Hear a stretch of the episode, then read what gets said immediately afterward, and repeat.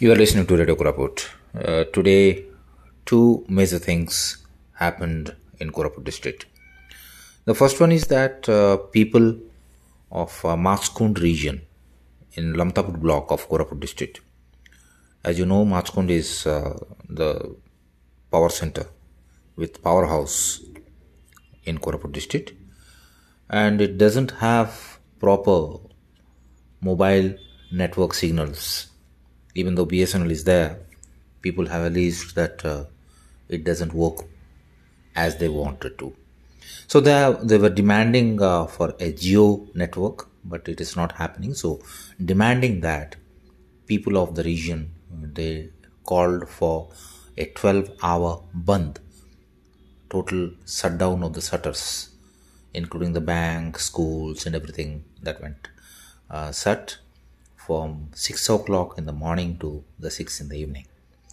Pressing their demand that uh, there be a Jio network so that they can work efficiently students can learn the online classes and business can happen there.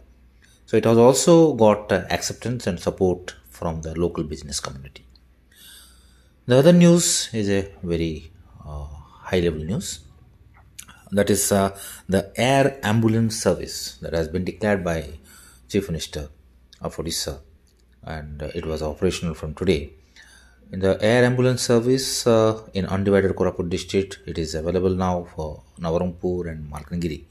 But both the districts they don't have uh, airstrip so the uh, air uh, ambulance service uh, the machineries and uh, the doctors they arrived at Jeypore airstrip and from there they went to Navarampur and they also went to the Malkangiri to uh, serve the people in the uh, specialities that is not available in the district headquarter hospitals there.